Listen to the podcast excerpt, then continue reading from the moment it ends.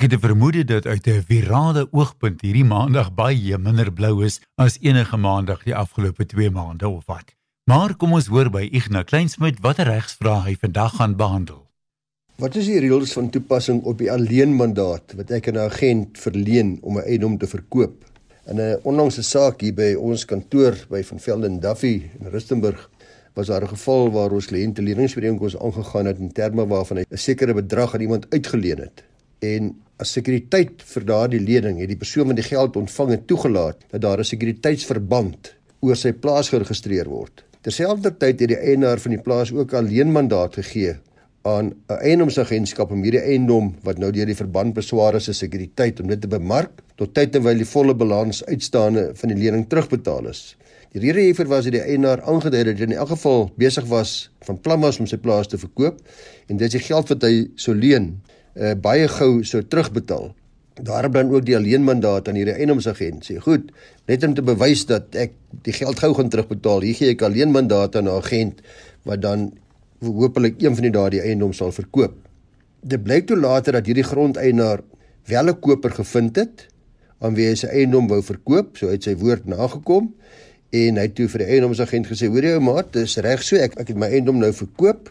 En natuurlik het die eiendomsagent hom dadelik daarop gewys dat uh, daar alleen mandaat aan hulle toegeken is en dat hulle dan nou geregtig sal wees op kommissie op hierdie transaksie. Nou is dit duidelik dat natuurlik nou groot spanning en 'n uh, konflik. Die normale koopklousule van so alleen mandaat luisteraars is gewoonlik tot die effek dat die eienaar verleen 'n alleenmandaat aan ABC eiendomsagentskap om 'n spesifieke eiendom te bemark en te verkoop vir 'n vir 'n sekere bedrag en dan by verkoping sal die agent dan geregtig wees op 'n kommissie van 'n sekere persentasie van die koopprys. Nou 'n belangrike vraag uh van alle eiendomsagente is dus of die koper geregtig is nadat hy alleenmandaat aan hulle gegee het om self daarna die eiendom te verkoop sonder die meedoening of die uh, hulp van die agent en sonder dat daar kommissie aan die agent betaalbaar is. Nou daar was 'n hele paar interessante hofsaake in Suid-Afrika hieroor gewees en uh, ek gaan hier nie met daarmee bemoei nie. Die belangrikste waarvan seker maar is en my kollegas wat dalk luister kan daarna gaan kyk, dis die Nel Groblaar saak. Nel Groblaar en Viljoen in 1983. Daar was ook die Mendes versus die Ermelo eiendomme en verhuuringsagente in 1995. Uh hierdie feite is nogal interessant, maar ek gaan maar net sê dat dit duidelik is dat die regsposisie is as volg, naamlik dat as 'n algemene reël kan 'n grondeienaar sy eiendom verkoop sonder om aanspreeklikheid op te doen vir kommissie waar hy en die koper direk onderhandel het en die transaksie dus nie gesluit is met die bystand of hulp deur 'n eiendomsagent en natuurlik sonder dat die eiendomsagent hierdie koper aan die koper voorgestel het. Aan die ander woorde die eiendomsagent was hoegenaamd nie die oorsaak of die effektiewe oorsaak van hierdie transaksie nie.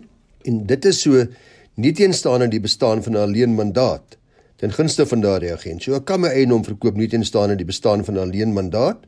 Die agent sal dan slegs geregtig wees om kommissie te eis in geval waar die grondeienaar self die koper gevind het en daar ook nie inmenging was of hulp of bystand of meedoening van die uh, eiendomsagent nie as daar in die mandaat uitdruklik uitgespel word dat in so 'n geval daar nog steeds agentekommissie aan die agent betaalbaar sal wees. Dus selfs al was die agent nie betrokke by hierdie transaksie nie. So die eiendomsagente wat vandag luister is baie belangrik uh, ook vir ons luisteraars om te besef dat dit 'n belang is van albei partye dat die eienaar van die eiendom nie moet poog om die eiendomsagent uit te oorlê deur steeds die eiendom te verkoop aan iemand en dan bloot te beweer daarna dat daardie transaksie nie aangegaan is deur hulle toedoen nie. Dit gebeur dikwels dat as 'n eiendomsagent nou 'n leenmandaat kry, dan sal hy die huis verhuur, die adres sal bekend gemaak word, die hele dorp sal weet waar die huis is, hulle kan hom eien en dan is dit so maklik om vir enige lid van die publiek om daarna te gaan sê hy het nie geweet van die advertensie nie. Hy was nie voorgestel in die eiendom deur die eiendomsagent nie. Hy het maar toevallig by die eienaar uitgekom en gehoor dat die huis in die mark is. En dit gebeur natuurlik dikwels dat alleenmandate dan verleen was en dat slinkse grondeienaars of oneerlike kopers of verkopers uh, dan nie wil enigsins erkenning gee aan die feit dat die koper eintlik gewerf was as gevolg van die advertensies en die uitgawes wat die agent aangegaan het nie. Ons kan dus begrip daarvoor hê luisteraars dat agente huiwerig is om 'n klomp geld te spandeer om u eiendom te bemark en in die proses ook die eiendom te identifiseer om dan net later te sien daar samespanning tussen koper en verkoper om my van my kommissie te ontneem. Die meeste agente sal dus aandring as hulle die alleenmandaat verkry moet hulle baie geld spandeer in die bemarking dat daar 'n klousule ingevoeg word om hulle te beskerm tot die effek dat selfs al verkoop u daarna u eiendom direk aan 'n koper uh, terwyl die alleenmandaat nog in werking is dat hulle steeds geregtig sal wees op agentekommissie. Na verstryking van die alleenmandaat is dit natuurlik 'n ander saak.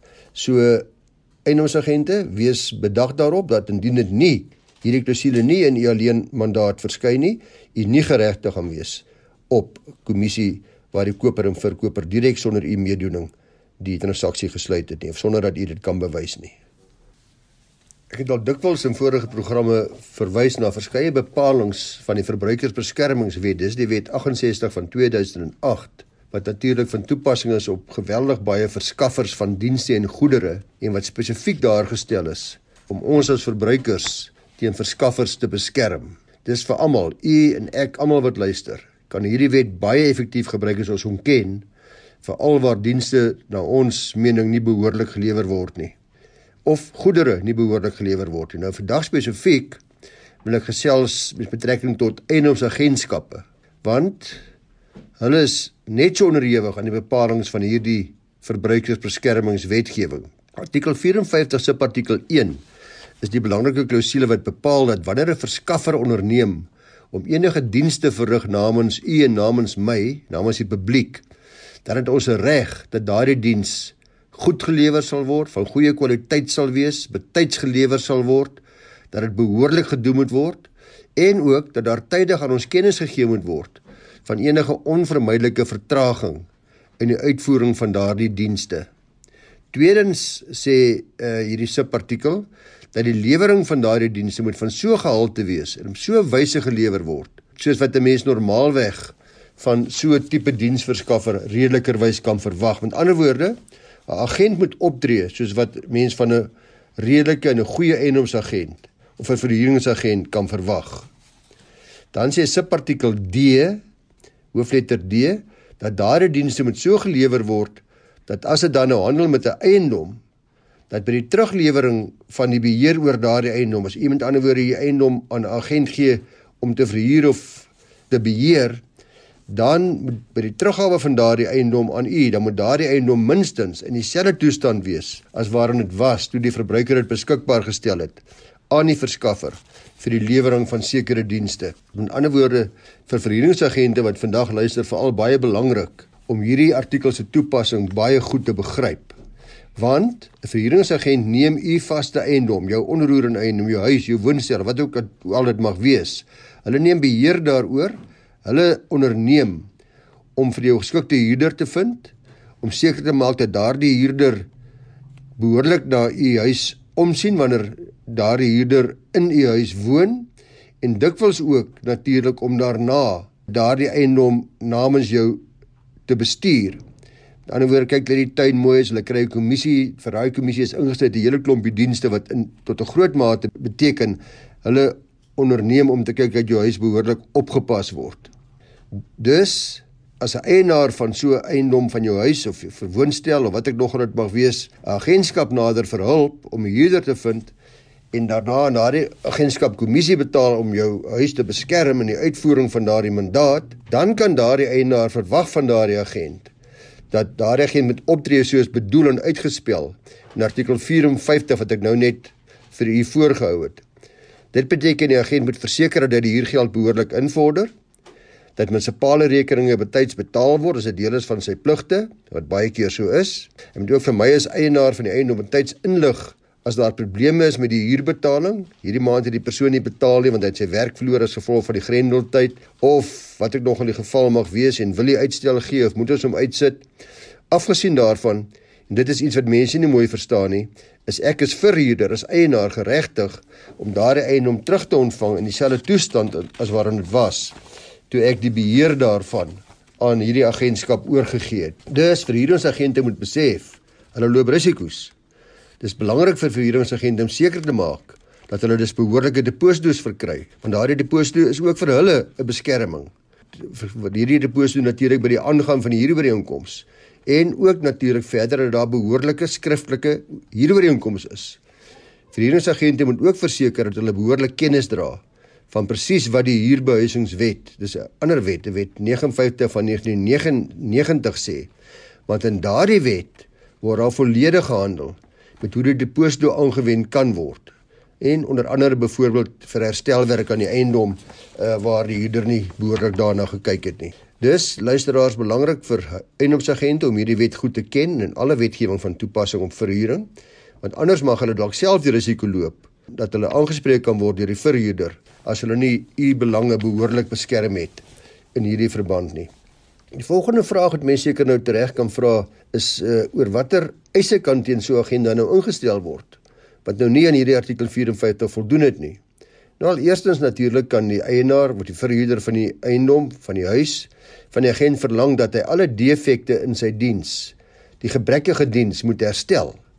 En dieselfde geld natuurlik ook as dit gaan oor goedere wat gelewer is of as dit nou nie handel met verhuuringsagente nie, ook enige ander soort van dienste. Tweedens kan, het ek reeds gesê, die agent aangespreek word om my te vergoed as eienaar vir 'n redelike gedeelte van die kommissie wat ek aan hom betaal het as gevolg van die feit dat sy dienste nie behoorlik gelewer was nie. In baie gevalle kan die volle kommissie teruggehuis word omdat die agent dood eenvoudig net droog gemaak het en hoegenaamd nie gedoen het wat hy veronderstel was om te doen nie. En natuurlik as ek sê veronderstel was om te doen, is dit belangrik vir verhuuringsagente en vir verhuurders en eienaars om maar liewers hierdie mandaat behoorlik op skrift te kry, behoorlik te onderteken wanneer u aan 'n verhuurdingsagent opdrag gee sodat hy weet presies wat sy pligte is en u ook weet wat jy van hom of haar kan verwag.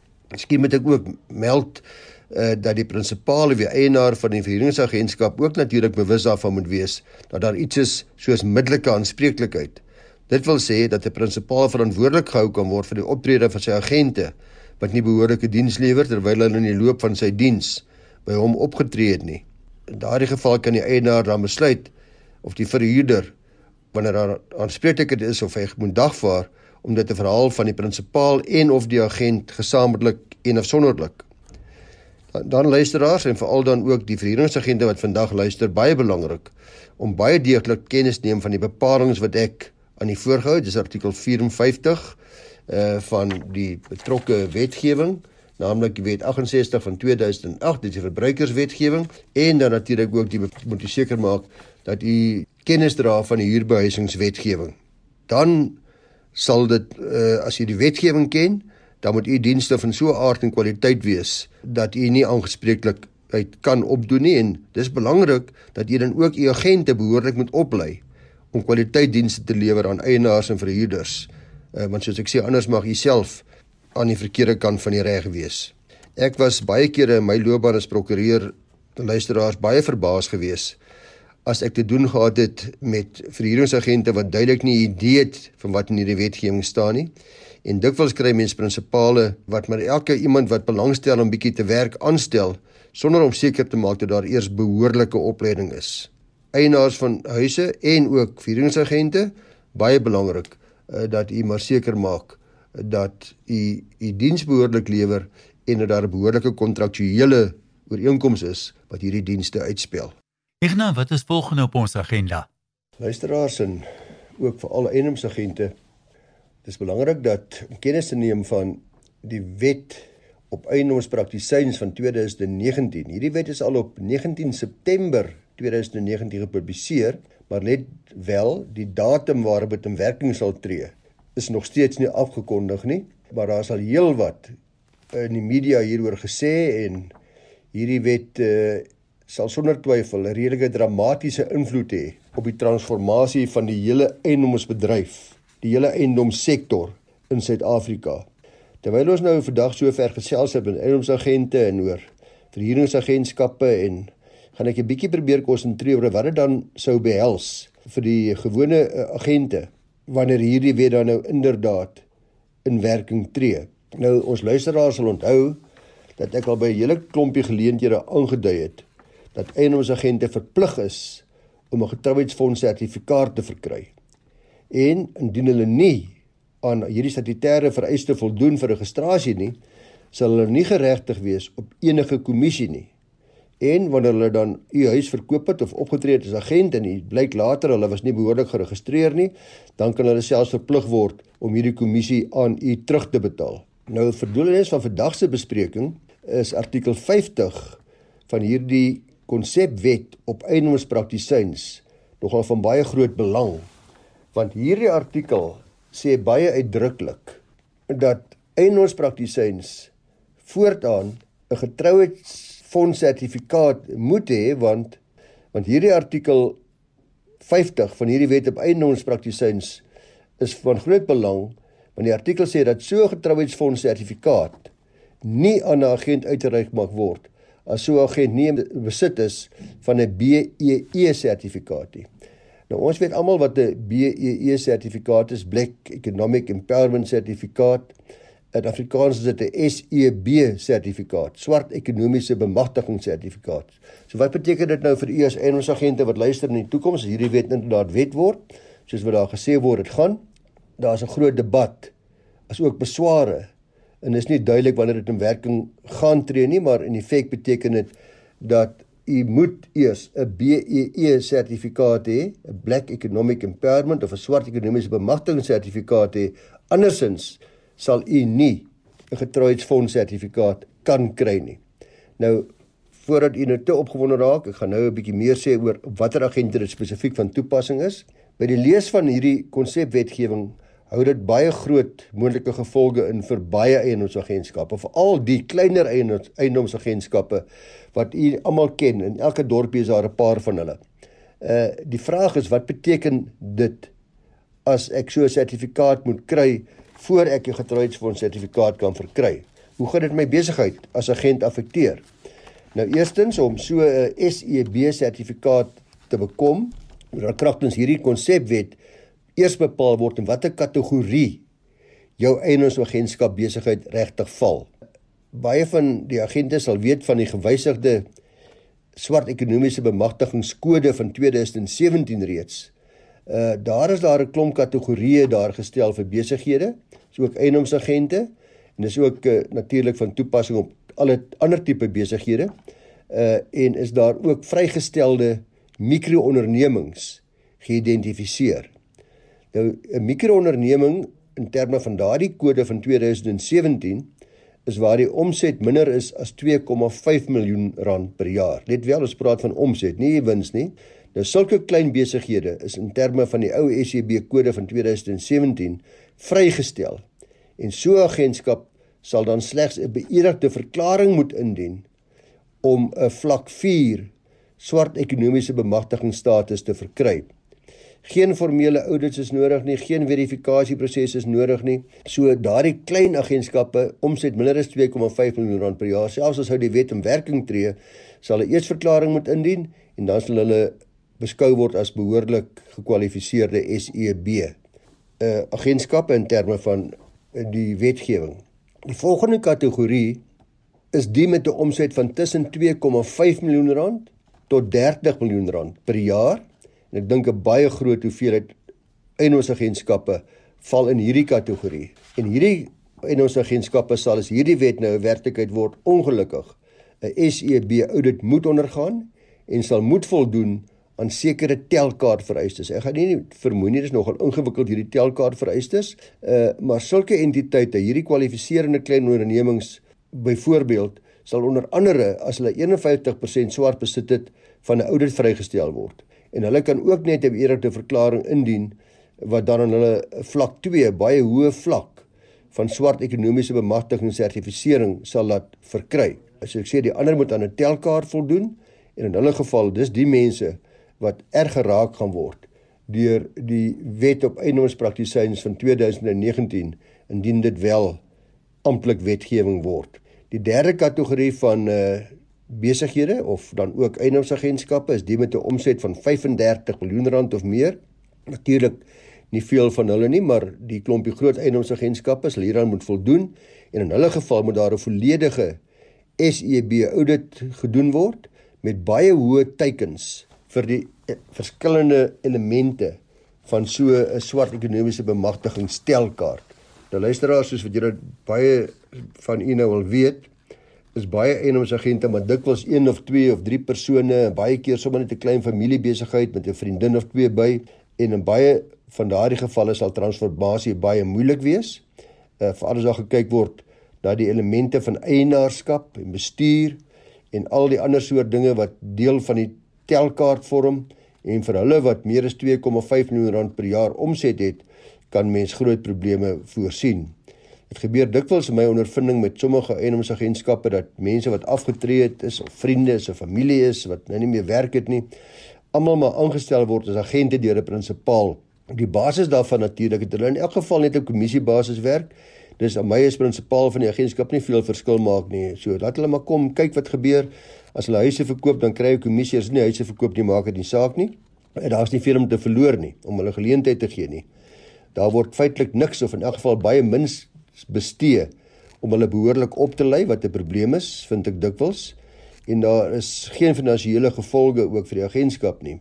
Maar ek dink agentskappe moet kennis neem Natuurlik weet agentskappe dat daar nou seker eksamens eh, geskryf moet word wat die opleiding nou verpligtend maak, maar is ook belangrik ook by verhuuringsagentskappe en ander dat daar uh, kennis geneem moet word dat indien hierdie wet in werking gestel word, daar besondere uitdagings gaan wees veral vir die groter agentskappe wat 'n omset het van meer as 2,5 miljoen rand om te kwalifiseer vir 'n geldige SEB sertifikaat. Let wel, ek herhaal, sonder dit geen getrouheidsfonds sertifikaat nie. Dit sal dus nie ongewens wees om nou al te besef dat dit vir die toekoms dalk goed mag wees om 'n bietjie meer selektief te werk te gaan wanneer u nuwe agente aanstel nie, want dit mag dalk later vir u van groot hulp wees wanneer daar gekyk word na u transformasie en die vereistes wat daar gestel mag word. Die ander moontlikheid is om eers te kyk of hierdie bepalinge inderdaad in werking gestel gaan word en dan wanneer dit wel in werking gestel word, aandag te gee aan die nodige vereistes wat van toepassing is op u besondere agentskap. Ek is wel bewus dat daar reeds agentskappe is wat besluit het om proaktief op te tree. Dis alwaar ons gaan tyd hê in vandag se regsaake. Ek vertrou vir al eiendomsagente het baat gevind by die program en onthou as jy nie kon luister nie of jy weet van iemand wat graag sou wou luister, hierdie program soos alle ander regsaake programme is ook as potgooi beskikbaar op RSG se webwerf rsg.co.za. Gebruik regsaake as soekwoord of rol bloot alfabeties af tot by regsaake. Jy kan jou vrae vir beantwoording in toekomstige programme direk vir Ignas stuur na igna@ffd.co.za. Mooi loop en sluit asseblief volgende maandag 11:30 weer by ons aan.